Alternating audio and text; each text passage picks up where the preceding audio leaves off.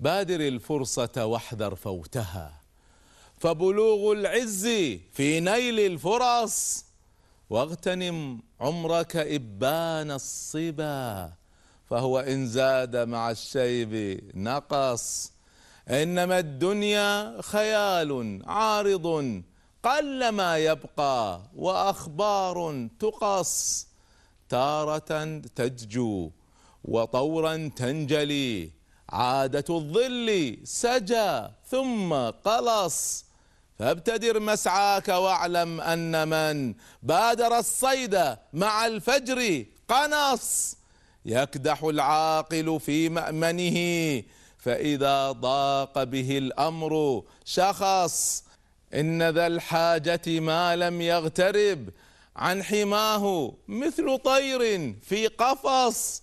وليكن سعيك مجدا كله إن مرعى الشر مكروه أحص واترك الحرص تعش في راحة قلما نال مناه من حرص. قد يضر الشيء ترجو نفعه رب ظمآن بصفو الماء غاص واختبر واختبر من شئت تعرفه فما يعرف الأخلاق إلا من فحص.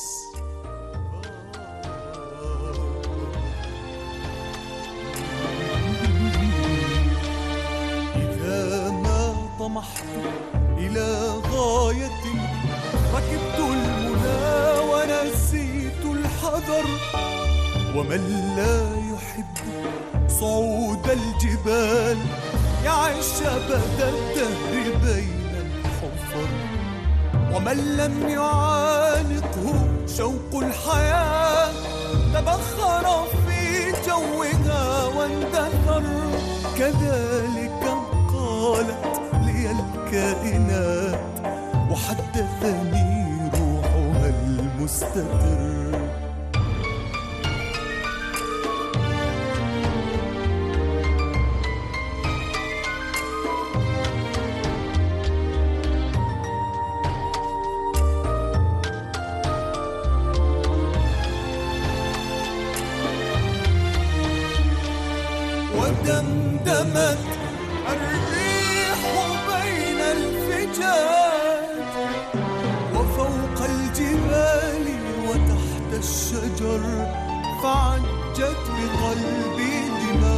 الشباب وضجت بصدري رياح أخر.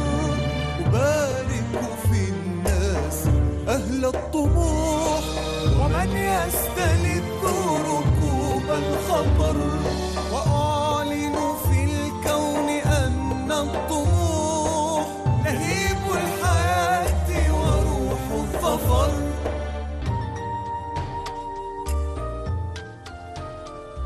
السلام عليكم ورحمة الله وبركاته. أهلا بكم ومرحبا مع علمتني الحياة. حلقتنا اليوم تدور حول موضوع التحفيز. هذا الموضوع الذي أدرسه في علم الإدارة وفي دوراتي هو أيضا جزء رئيسي من الدين ومن السيرة النبوية ومن حياة المصطفى صلى الله عليه وسلم مع من حوله. هو جزء أساسي من علاقة الأب والأم بأولادهم علاقة المدرس بتلاميذه علاقة المربي بمن حوله علاقة الصاحب بالصاحب. التحفيز هو جزء أساسي من كل حياتنا. وإذا فهمناه بشكل سليم سنفعله ونحصد نتائج عالية جدا. وإذا أسأنا إدارته أيضا ستكون النتيجة سلبية بشكل واضح. فإذا نحن نتحدث عن قضية هي يومية حاجة يومية وهي جزء من هذا الدين. ولذلك سأحدثكم به حديث إدارة لكنه حديث مخلوط بفهم الإسلام وبالنماذج الإسلامية. هناك قانون إداري نسميه خماسية التحفيز. شرحته في كتابي الكتاب اسمه خماسية الولاء. وهي معادلة غربية تسمى ال five ايز بدون ما أدخل في أكاديميتها خمس أمور خمس أمور هي التي تحرك الناس وهي التي وجدوها لها تأثير غير عادي في ولاء الإنسان لشركته لدولته ل... يعني أي جهة ينتظم فيها خمسة أمور رئيسية. الأمر الأول هو الاستحواذ على القلوب. إذا استطعنا أن نكسب ليس العقول ليس الظهور وإنما القلوب. إذا كسبت القلوب صاروا الناس يتحركون بسبب الحب. النبي صلى الله عليه وسلم هو المثل الأعلى في هذا الجانب. كانوا الصحابة رضوان الله عليهم يحبونه حبا عميقا. يقول أبو سفيان ما رأيت احدا يحب احدا كحب أصحاب محمد لمحمد. الاستحواذ على القلوب يأتي من مصدرين نفس هذا الاستحواذ له مصدرين. المصدر الأول هو الرؤية البعيدة التي يؤمن بها القائد ويؤمن بها الأتباع يؤمن بها الجميع. عندما نشترك في هم مشترك عندما نؤمن بفكرة والفكرة هذه تتحول إلى رؤية والرؤية تتحول إلى خطة والكل يشارك في هذا عندها تكون أعلى درجات العطاء. عندها تكون أعلى درجات التحفيز. فاذا هذا جانب. الجانب الثاني هو الشعور ما زلنا في الاستحواذ في القلوب. الجزء الثاني قلنا الرؤية الجزء الثاني هو اكسب الإنسان كإنسان واكسبه من خلال نفسه ومن خلال أهله. النبي صلى الله عليه وسلم كان يسأل أصحابه عن أحوالهم وعن أحوال أولادهم وكان يتابع زواج الشباب منهم. وكان عجيب صلى الله عليه وآله وسلم. كان يفتقد الإنسان في قصة غزوة تبوك. جيش تبوك من المسلمين كان ثلاثين ألف مقاتل. النبي صلى الله عليه وسلم لما مشى الجيش وارتاحوا قال أين أبو خيثمة؟ عجيب. يفتقد أبو خيثمة. أبو خيثمة ليس قائد من القادة بحيث يفتقده بسهولة. هو جندي عادي. مع ذلك يفتقده من ثلاثين ألف أين أبو ذر؟ هو كسب للقلوب بهذه الطريقة. الأمر الثاني هو الشعور بالتلاحم الشعور بالاندماج. شو أنا أعرف أعرف القائد الذي يحفز من الذي لا يحفز. أعرف الشركة والمنظمة والجماعة التي فيها ولاء عالي بعملية جدا بسيطة. أجلس مع الأعضاء وأسألهم ما رأيكم في الأوضاع؟ فإذا سمعت كلمة نحن كثيرا معناها في تلاحم واندماج. وإذا سمعت كلمة هم تكلمون عن القيادة معناها في انفصال. فوجود التلاحم شعور بال بال بأننا آه، جهة واحدة وليس هم ونحن. وهذا يأتي من خلال مصدر رئيسي من خلال مصدر رئيسي وهو الاتصال. الاتصال. النبي صلى الله عليه وسلم ما عدا في الأحداث التي تتطلب سرية كغزوة آه، فتح مكة كان النبي صلى الله عليه وسلم يخبرهم بكل التفاصيل بل يخبرهم يعني الأذى الذي سيصيبهم ويخبرهم بالمستقبل وما فيه. كان النبي صلى الله عليه وسلم يدخل معهم في كل شيء. هذا التواصل أن يفهم الإنسان أين كنا إلى أين وصلنا إلى أين سنذهب ما دوري في هذه المعادلة.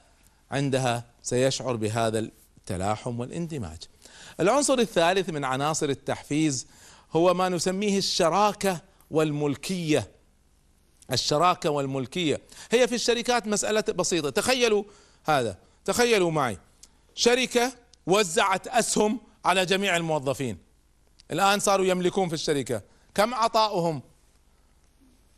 قارن هذا بشركة أخرى. الموظفين ليس لهم أي ملكية. أنا أذكر في إحدى الدورات التي دربتها كان في إحدى الشركات عندهم القانون التالي إذا وصلت الأرباح إلى المستوى الفلاني سنوزع راتب إضافي على كل موظف. وإذا قفزت إلى المستوى الثاني سنوزع راتبين. في إحدى السنوات وزعت هذه الشركة في سنة واحدة سبع رواتب إضافية. ما أخبار التحفيز عند الناس؟ ما أخبار تفاعلهم؟ كذلك كان النبي صلى الله عليه وسلم يكلم أصحابه يقول أنا ما أخشى عليكم الدنيا ما أخشى أن الدنيا ما أخشى عليكم الفقر أخشى عليكم أن تنفتح عليكم جاي الأرباح والانتصارات والمال وجاي. هذا اللي أنا اخشاه عليكم. فكان يخبرهم إن مستقبلكم زاهر. مستقبلكم زاهر يأتي عدي بن آه، حاتم الطائي حاتم الطائي الكريم مشعور عدي كان هو الذي يقود قبيلة الطي بعد النبي صلى الله بعد وفاة أبيه آه، التقى بالنبي صلى الله عليه وسلم وأسلم على يديه. فالنبي صلى الله عليه وسلم يقول له يا عدي واسلم متأخر جدا أسلم السنة التاسعة للهجرة قبل وفاة النبي صلى الله عليه وسلم بسنة تقريبا. فالنبي صلى الله عليه وسلم يقول له يا عدي ما الذي أخرك عن الإسلام؟ لعلك قلت المسلمون في آه، قلت المسلمين في خوف. والله لئن طال بك العمر لترين الضعينة. الضعينة المرأة تسافر وحدها. تخرج من الحيرة إلى الحجاز. لا تخشى إلا الله. يقول عدي ولقد رأيت ذلك. شفت المرأة تسافر من الحيرة إلى الحجاز وحدها. على فكرة بهذا الحديث استدل بعض الفقهاء على جواز سفر المرأة بدون محرم إذا كانت هناك إذا كان هناك أمان فربطوا الحكم التحريم بالعلة وهي عدم الأمان. فإذا انتفت العلة يصبح الأمر حلال. على كل حال نرجع. فالنبي صلى الله عليه وسلم يقول لعدي يا عدي ما الذي أخرك عن الإسلام؟ والله لئن طال بك العمر لترين كنوز كسرى في يد المسلمين. فاستغرب قال كسرى؟ أعظم ملك في العالم كسرى. كسرى انو شروان قال نعم. يقول عدي فوالله كنت من الذين فتحوا فارس ودخل المدائن ودخلت القصر الأبيض لكسرى وأخذت الكنوز بيدي. يا عدي ما الذي أخرك عن الإسلام؟ ما الذي أخرك عن الإسلام؟ لعلك قلت المسلمين فقراء والله لئن طال بك العمر لترين المال يحثو في أيديهم حثوا. حتى ترى الرجل يخرج بصدقته يطلب من يأخذها فلا يجد. يقول وما زلت أنتظر هذا. هذا يشاركهم في الرؤيا وشاركهم في الملكية. أنت ستكون جزء من هذه المعادلة. فهذه كلها كلها كانت مصادر تحفيز. المصدر الرابع من مصادر التحفيز هذا أنا أعطيكم آخر ما وصل علم التحفيز الحديث. تعزيز التعليم وتعزيز التدرب. الشركات الواعية الآن بدأت تضيف الموظف الذي لا يغيب عنده فرصة أن يأخذ منحة دراسية لدراسة الماجستير أو الدكتوراه. هكذا فانخفضت الغيابات عندهم. هذا عملتها امريكان اكسبريس مثلا. وغيرها. فالإنسان لما يشعر أنه قاعد يتعلم قاعد يتعلم عندها سيرتبط أكثر. أنا بعض الموظفين مرة سألتهم لماذا لا تترك شركتك؟ وعندك فرصة لمكان قال أنا في هذا المكان قاعد أتعلم أشياء لا يمكن أتعلمها في أي مكان آخر. فالتعلم يحفز الناس. وأخيرا العنصر الخامس من عناصر التحفيز الرئيسية التمكين وتحرير الفعل يسموها empowerment. بمعنى القائد الفعال يعطي صلاحيات لمن حوله يترك لهم فرصة التصرف يتخذ القرار. والنبي صلى الله عليه وسلم كان المثل في هذه المسألة. كان يرسل معاذ بن جبل إلى إلى اليمن فيعطيه نصائح عامة ثم يتركه. كان يرسل خالد بن الوليد لقيادة معركة يعطيه نصائح عامة ثم يتركه. عندهم صلاحيات يشعروا إحنا إحنا نقول بال نقول اتركها بوجهه. خليه هو مسؤول عنها وشوف كيف سيكون عطاءه. فهذه كلها من عناصر التحفيز الرئيسية الإدارية والتي رأيناها في السيرة النبوية. ومزيد من هذه المعاني أحدثكم عنها بعد الفاصل إن شاء الله.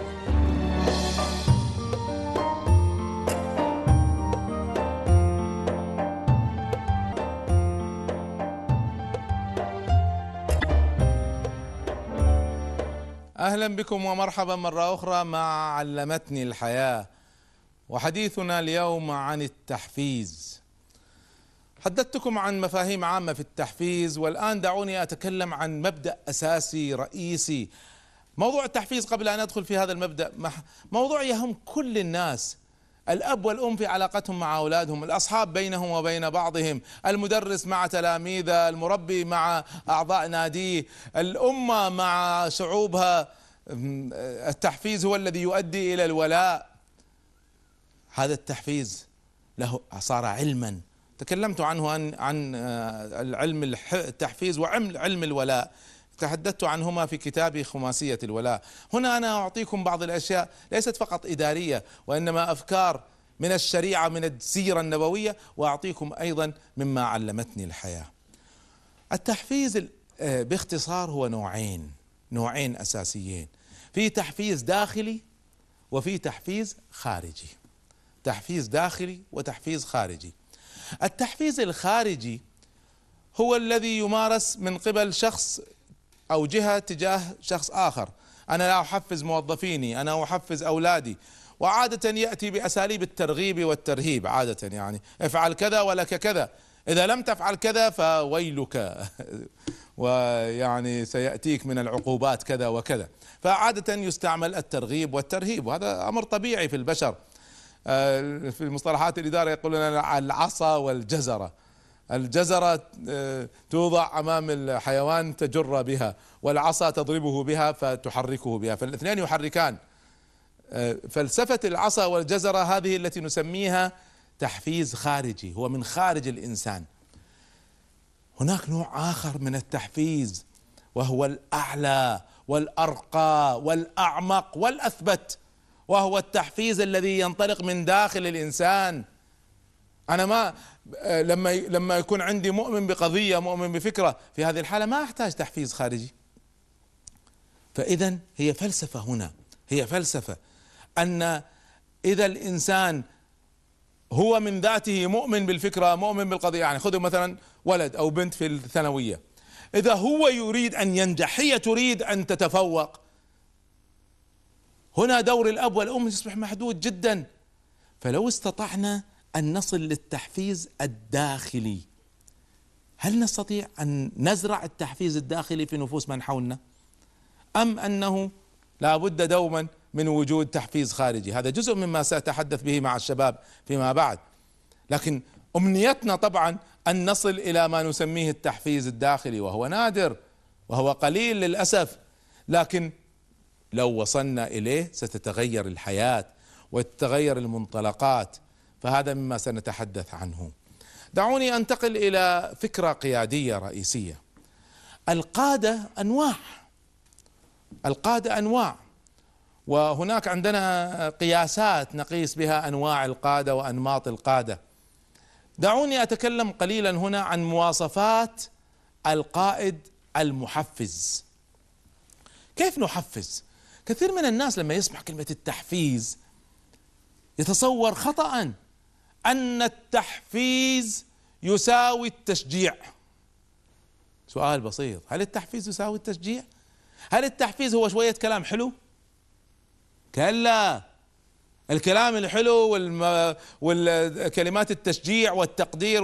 وأمثالها هذه كلها جميلة لكن ليست هي الأعمق في التحفيز القائد المحفز يمارس هذا لكن يمارس أهم من هذا أمور أولها توضيح الرؤيا توضيح الرؤيا للعاملين معه ما يعني الأولى من أني أشجع ابني أو بنتي وأكافئهم على النجاح ولا أعاقبهم على الفشل. الأهم من هذا أني أفهمهم المستقبل وكيف تكون حياتهم في المستقبل إذا نجحوا وكيف تكون حياتهم في المستقبل إذا فشلوا.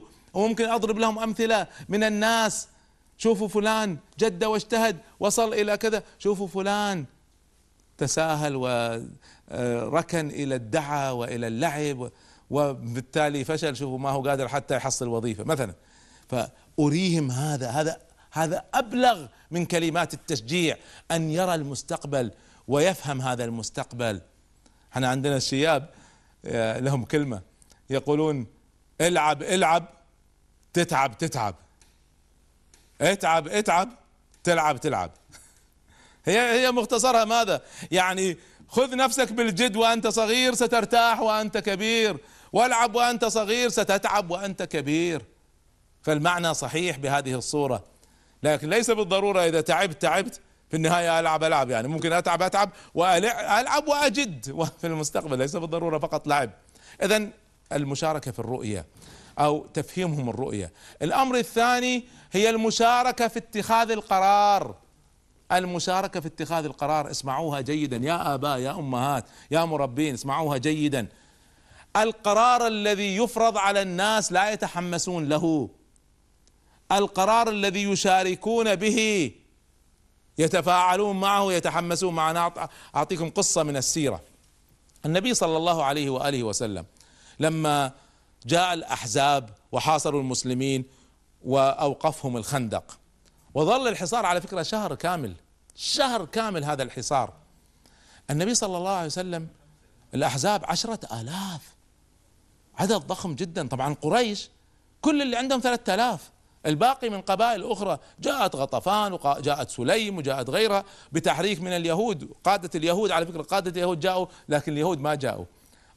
فالنبي صلى الله عليه وسلم يريد أن يخفف هذا الحصار الذي على المسلمين.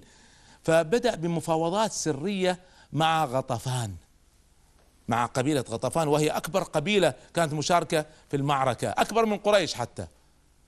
فالنبي صلى الله عليه وسلم بالتفاوض مع غطفان وصل إلى اتفاق مع غطفان.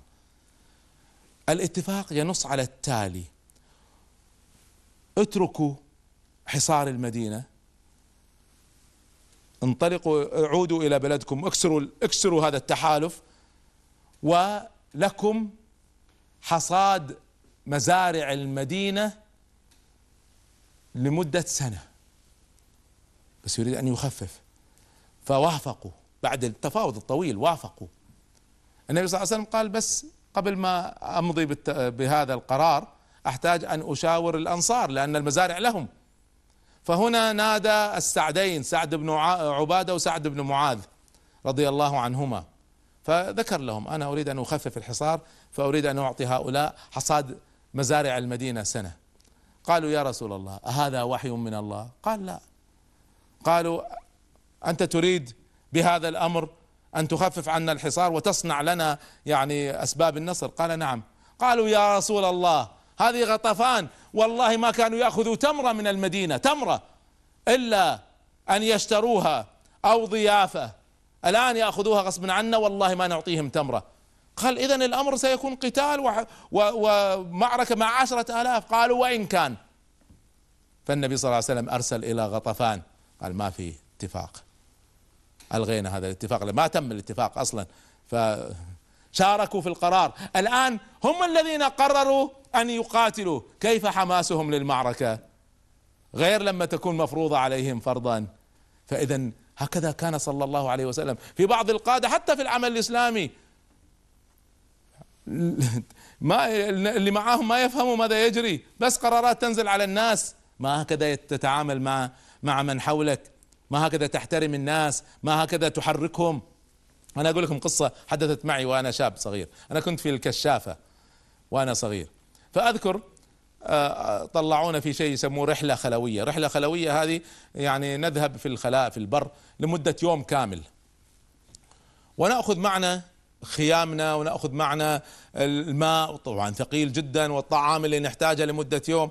فمعنا أشياء ثقيلة وكانت الرحلة عجيبة جدا. يعني كانوا معطينا الرحلة على الشكل التالي. تذهب في الزاوية الفلانية مسافة كذا ثم ستلقى رسالة تخبرك عن الهدف اللي بعده. إحنا عندنا فقط المرحلة الأولى. هذه الرسالة عند قائد الطليعة. فقائد الطليعة اجتمع مع نائبة. بدون ما يشركنا وقرأوا الرسالة. إحنا ما ندري وين رايحين. ولا ندري كم زاوية ولا ندري بكم المسافة. واتفق معاه على الطريق. وبعدين يلا يا شباب. وإحنا وراهم أناشيد وصيحات. وماشيين. ما ندري وين رايحين أصلا. بعد فترة وقفوا. خلونا راحوا اعتزلونا جلسوا حسبوها. يلا يا شباب. طبعا العادة في هذه الرحلات إن نمشي كيلو. كيلو ونص ونلقى الرسالة الثانية. مشينا ستة كيلو. ما في رسالة. طبعا واضح إن جماعة ضايعين. بدأت جلساتهم تكثر. كل شوية جالسين وتش...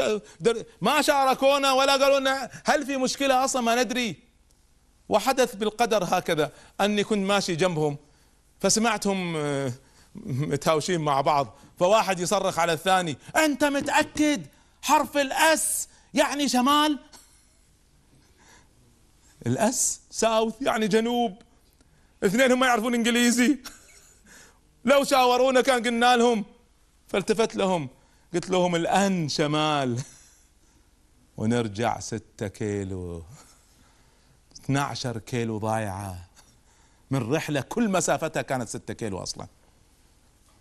شاركوهم في القرار. قد يكون عندهم خبرات قد يكون عندهم مهارات. فهذا من أصول التحفيز. من أصول التحفيز احترامهم. احترام من حولك مراعاة احتياجاتهم. هذه من أصول التحفيز. أنك تراعي من حولك وتراعي احتياجاته. النبي صلى الله عليه وسلم كان يفعل هذا. الخلفاء الراشدين كان يفعلوا هذا. عمر بن الخطاب صدر قرار صدر قرار. ما في جندي يشارك في المعركة يبقى بعيد عن أهله أكثر من أربع شهور. ما يبتعد عن زوجته أكثر من أربع شهور لأن في حاجات إنسانية عندها وعنده. فالقرارات تصدر مراعاة لاحتياجاتهم فهذا جزء من التحفيز. معاني التحفيز كثيرة وال وال والفلسفات فيها كثيرة. أنا ذكرت لكم إعطاء الصلاحيات التفويض. هذه كلها تحفز الناس أن يكون القائد قدوة يشاركهم ويكون أمامهم ويكون معهم. هذه كلها تفعل الأفاعيل في تحريك الناس. أذكر وأختم هذا الجزء بمسألة رأيتها في أحد الأفلام الإدارية مع رئيس شركة نورثروب التي تصنع الطائرات العسكرية. فسألوه شركة من أنجح الشركات فسألوه قالوا له كيف تدير من معك؟ اسمعوا ماذا قال كلمة عجيبة. قال أحدد معهم معهم أحدد الأهداف. ونحدد معايير الأداء ونوزع العمل ثم اسمعوا ثم أبتعد عن طريقهم وأخليهم يتصرفوا. هكذا يكون القائد القدوة. ليس القائد القدوة اللي ما حد يفاهم إيش صاير ويلا وراي يا شباب يودينا جنوب بدل ما يودينا شمال. حنانيكم احترموا من حولكم. احترموا حتى أولادكم. أشركوهم في القرار وعندها ستعرفوا الفرق بين الإنسان الذي يشعر بالحوافز الداخلية وبين الذي يسير إما لا يدري ما حوله. مزيد من معاني التحفيز بعد الفاصل إن شاء الله.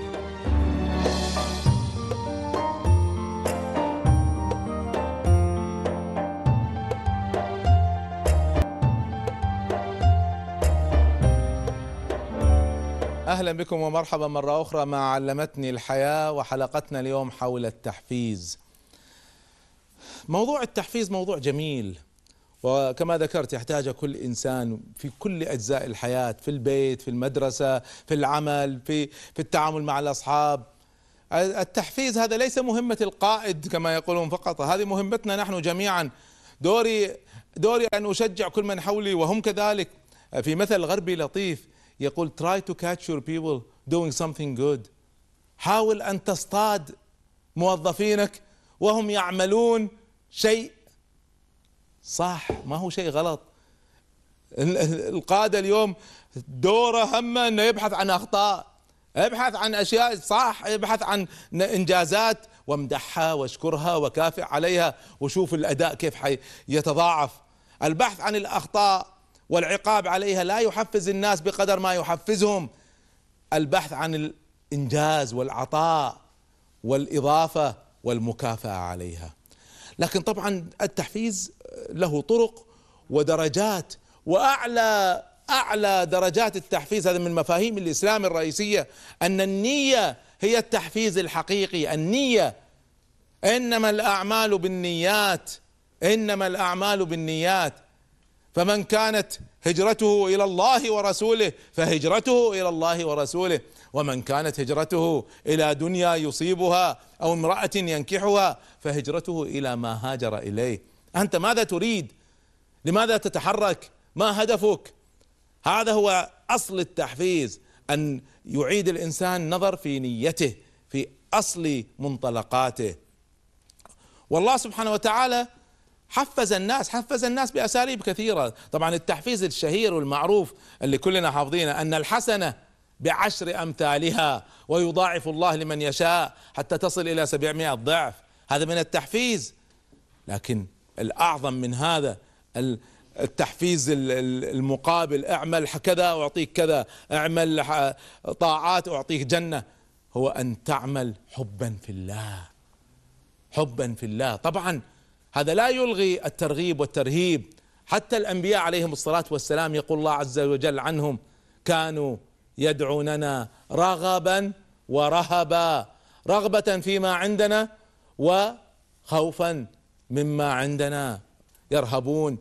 فالترغيب والترهيب ليس خطأ. بعض الناس يقول لازم أعمل فقط حب في الله وما عدا ذلك لا قيمة له. لا الله سبحانه وتعالى طلب منا هذا أن نعمل حبا فيه. في سبيل الله لكن أيضا رغبا ورهبا. هذا جزء هذا الأنبياء عليهم الصلاة والسلام. إذا كان في أحد سيستغني عن الأجر وسيستغني عن المكافأة أو يستغني عن الجنة أو لا يخاف من النار فهم الأنبياء عليهم الصلاة والسلام. ومع ذلك ما استغنوا. الله سبحانه وتعالى يقول كانوا يدعوننا رغبا ورهبا. اذا هذا مطلوب المكافأة المادية كما يقولون والمكافأة المعنوية مطلوبة. تعلمت أمر التحفيز وتعلمت قواعد فيه مهمة جدا ومنها ما حدث معي في قضية الهجوم والنقد الذي بعض الناس ما شاء الله تفرغوا له يعني في بعض الناس هذا همهم. على كل حال لا بأس. آه هناك كتب صدرت في النقد الذي يعني توجه لي. هناك مقالات هناك إنترنت. كيف أتعامل؟ بعض الشباب يسألني كيف أتعامل مع هذه الأمور؟ أقول لكم شيء تعلمته في الحياة هذا مما علمتني الحياة. أنا أعتبر هذا النقد هدية. يعني العفو الذي يمدحني ويكثر من مدحي. ما أضاف لي شيء يعني.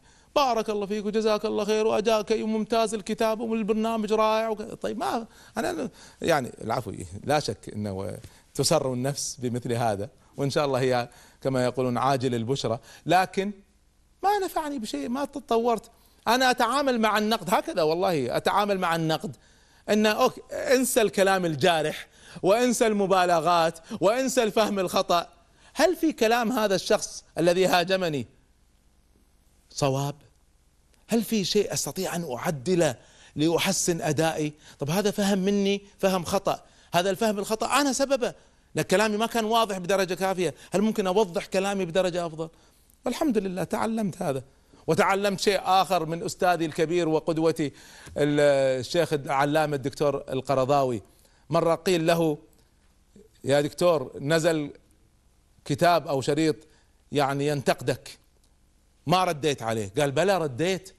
قالوا عجيب ما شفنا الرد. أين الرد؟ قال نزلت كتاب جديد. نزلت كتاب جديد. أنا هكذا تعلمت من أستاذي أن النقد ما أتوقف وأرد عليه ما أرد على الانتقادات. الرد على الانتقادات هذه هو تعطيل لجهودي. أنا أرد بأني أصدر كتاب جديد ولا ألبوم جديد ولا أعمل مشروع جديد. فاذا النقد يحفزني لمزيد من العطاء. وأتمنى أن هذه الروح تكون بين الناس. النقد له التحفيز له أساليب كثيرة جدا. دعوني أحدثكم عن عن كتاب. هذا الكتاب هو كتاب غربي في الحقيقة وتم ترجمته. الكتاب الغربي اسمه 1001 ways to motivate your employees. تم ترجمته إلى ألف طريقة وطريقة. لتحفيز موظفيك. ألف طريقة وطريقة. في هذا الكتاب فعلا أنا بتكلم جد هذا الكتاب فعلا يحتوي على ألف اقتراح في كيفية التحفيز. ألف اقتراح كيف تحفز الموظفين ويعطيك على كل اقتراح مثال. فأسهلي التحفيز ما يعني تحتاج هم مسوينها على طريقة ألف ليلة وليلة يعني. زين فألف طريقة وطريقة يعني. ألف ها؟ فإذا عندك وسائل في التحفيز. يا أبوين يا مربين؟ يا مسؤولين؟ يا قادة؟ ألف طريقة وطريقة للتحفيز.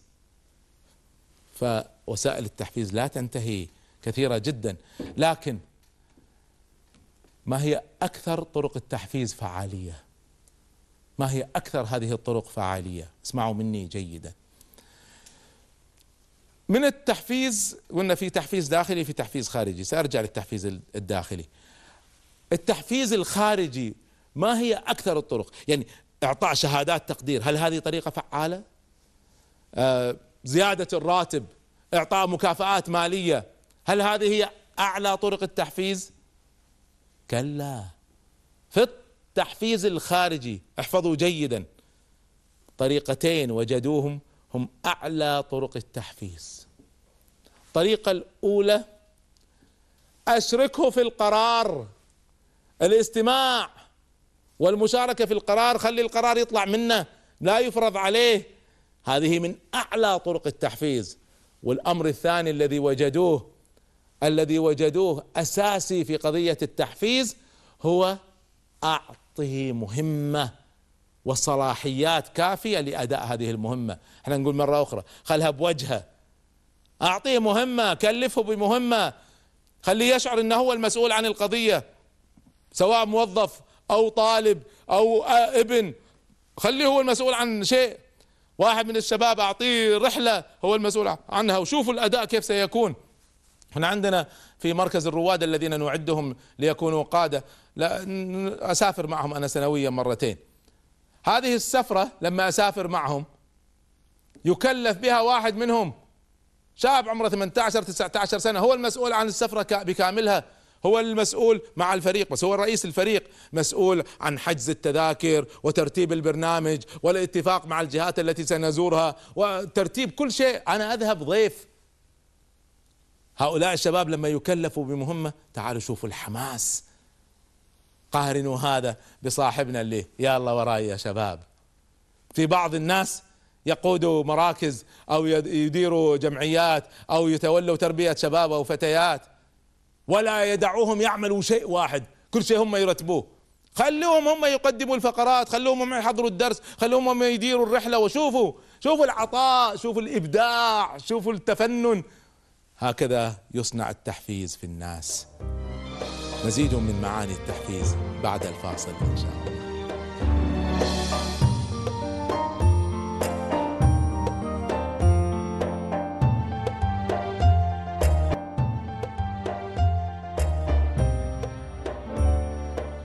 أرحب بكم مرة أخرى مع علمتني الحياة وحلقتنا اليوم حول موضوع التحفيز. حدثتكم عن كثير من المعاني وفي ما زال معاني رئيسية لم أتحدث عنها لكني أريد أن أتحدث عنها بعد أن أختبر الشباب في فهمهم لموضوع التحفيز بناء على ما قلت وبناء إن شاء الله على أيضا الأمور التي لم أقلها واحاول أن أستخرجها منهم. سؤالي لكم يا شباب هل يحتاج الإنسان إلى التحفيز؟ خالد ما رأيك؟ بسم الله الرحمن الرحيم. دكتور أنا برأيي الإنسان لا يحتاج إلى التحفيز. ما يحتاج. ولكن لتكون نتيجة العمل ممتازة يحتاج إلى يحتاج إلى تحفيز العامل بس العامل راح يقدر يشتغل يوميا مو مو يعني يمكن إلى 25% أو 30% من القدرة اللي يقدر عليها ولكن راح يشتغل آه يعني الإنسان يعطي بدون تحفيز لكن نعم. عشان يكتمل العطاء نعم. وعشان يتميز يحتاج تحفيز نعم. فاذا العطاء الأساسي لا يحتاج الإنسان إلى فيه, فيه إلى التحفيز لكن العطاء المتميز يحتاج إلى تحفيز. هذا خلاصة رأيك. شكرا. عمار إيش رأيك؟ نعم يحتاج. يحتاج. أكيد. آه يحتاج. نعم. ولو مثلا بالنسبة للإنسان مثلا آه الطفل الصغير مثلا شلون إنه أهله يحفزوه مثلا يطلع القدرات والطاقة اللي جواه. وفي طبعا صار مدارس للإبداع وكذا لكل طفل يطلع قدراته ونشاطاته وإن شاء الله بيبدع بالحياة. ففي الحالتين سواء مجتمع أو منزل أو شخص ففي في حاجة. والإنسان بدون تحفيز لا يعطي. صح. هذا خلاصة رأيك. شكرا يا ابني. آه عمر تفضل. رحيم ليش ما يحتاج؟ أنت أكيد طبعا يحتاج. أكيد يحتاج. كان لأنه ربنا سبحانه وتعالى هو أعطانا التحفيز الأكبر اللي هو الجنة. نعم. لا أنا ما أتكلم عن التحفيز الأخروي. يعني كل كلامي صحيح كلامي طبعا. بس كان المفروض أوضح هذا. كلامي عن التحفيز الدنيوي وليس عن التحفيز الأخروي. آه فالتحفيز الدنيوي هل يحتاج الإنسان أكيد أكيد. ليعطي؟ أكيد. يعني بدون تحفيز أنت ما تتحرك. راح راح تتحرك بس مو مثل التحفيز. مو مثل لما يكون في عندك تحفيز يدفعك إنك تأدي بشكل أكبر بكثير. هل في حالات لا تحتاج فيها إلى تحفيز؟ فكر. إبراهيم إيش رأيك؟ بسم الله الرحمن الرحيم. أول شيء التحفيز مهم مهم جدا يعني. عامل نعم. مهم جدا لتحقيق النجاح اولا. حلو. النجاح إحنا ممكن لو ركزنا على عوامل النجاح راح نلاقي إنه 90% من عوامل النجاح آه، نفسية أو معنوية. نعم. وال10% جانب تطبيقي. نعم. ال 90% اللي هي تعتمد على الجانب المعنوي آه، مستمدة من التحفيز الخارجي أو نعم. من التحفيز اللي جاي من نفس لا لا كلامي عن التحفيز الخارجي. هل يحتاج الإنسان إلى التحفيز الخارجي؟ طبعا يحتاج. يقد- يقدر يعمل الإنسان بدون تحفيز خارجي؟ هو يقدر يعمل بس ب بكواليتي أقل ب... يعني ب... طيب الآن خليني أسألكم أنت تقريبا أنتم أجمعتم أن الإنسان يحتاج إلى التحفيز.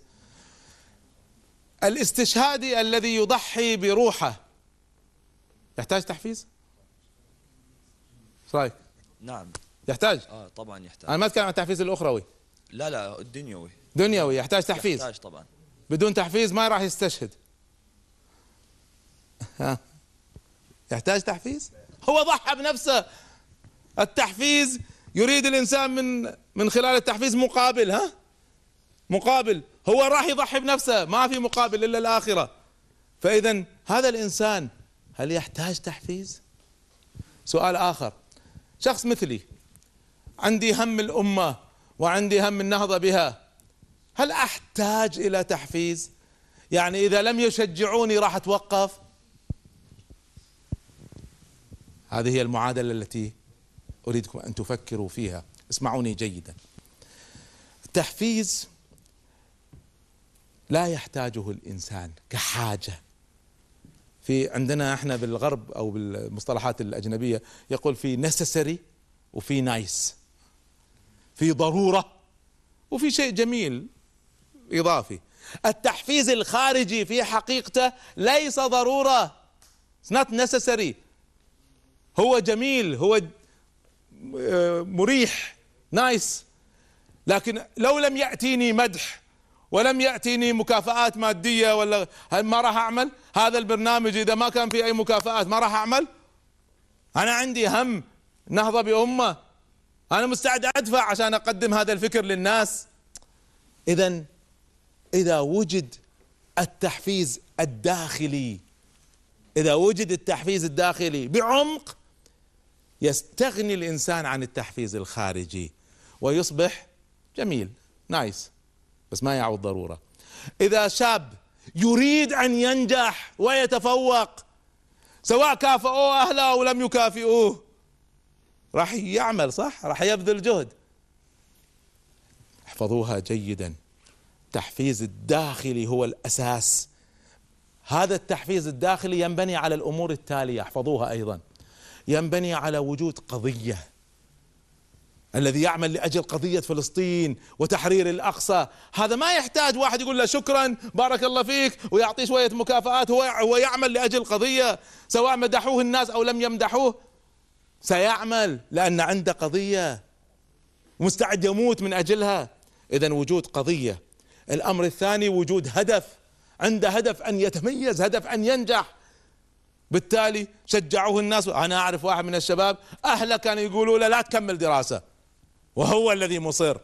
هذا يحتاج تحفيز؟ آه. عرفتم المعادلة؟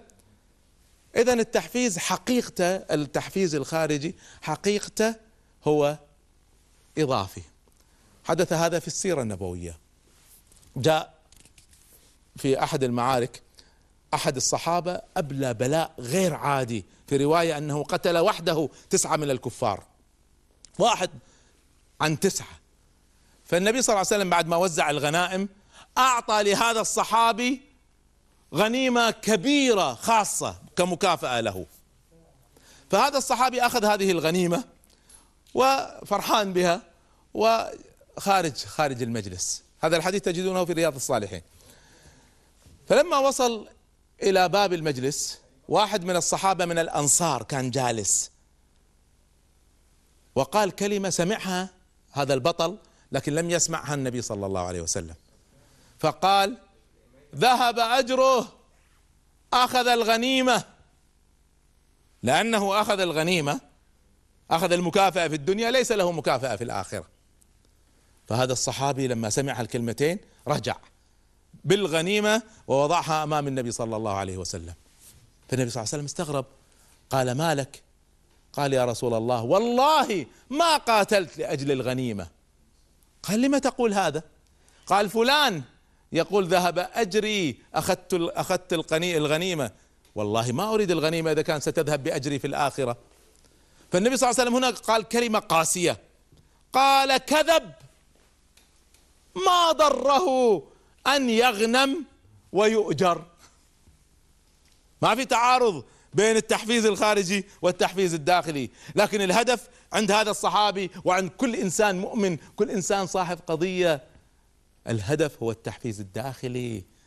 هو يعمل من أجل غاية من أجل هدف. عندها يستغني الإنسان عن التحفيز الخارجي. لكن إذا جاء التحفيز الخارجي ما نقول لا. ما ضره أن يغنم ويؤجر. جعلوها شعار من شعارات حياتكم.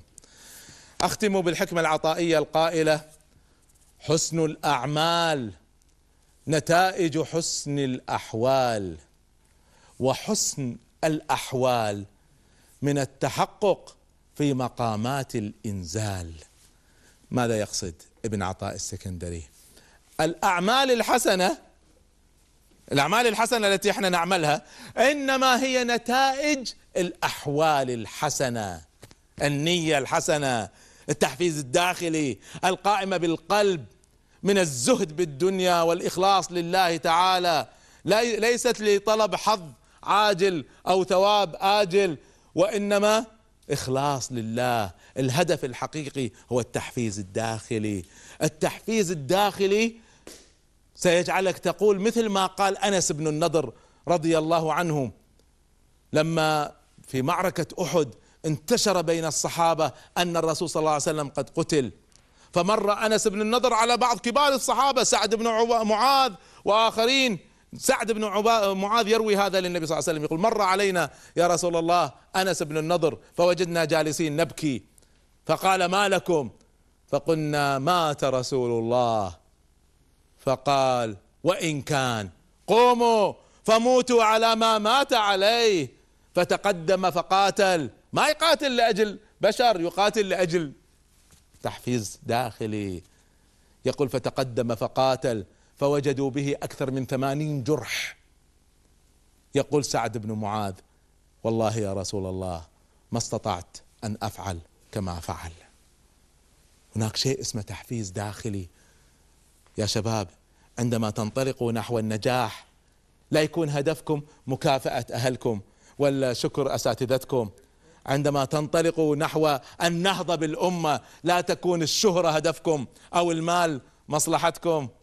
أخلصوا النية. أمة تخلفت محتاجة من يخلص ويجعلها قضية لينهض بها ينهض بهذه الأمة التي تخلفت. نحن نحتاج من يقوم معنا بحمل هم الأمة من الداخل. وأرجو ألا تكونوا من طلاب الشهرة أو طلاب المال فسيظهر هذا في الدنيا قبل الآخرة. أخلصوا النية اعملوا لأمتكم اعملوا لأهداف عليا. اعملوا للجنة والنجاة من النار والفوز برضاء الله. ربنا آتنا في الدنيا حسنة وفي الآخرة حسنة وقنا عذاب النار. شكرا لحسن متابعتكم. استودعكم الله. والسلام عليكم ورحمة الله.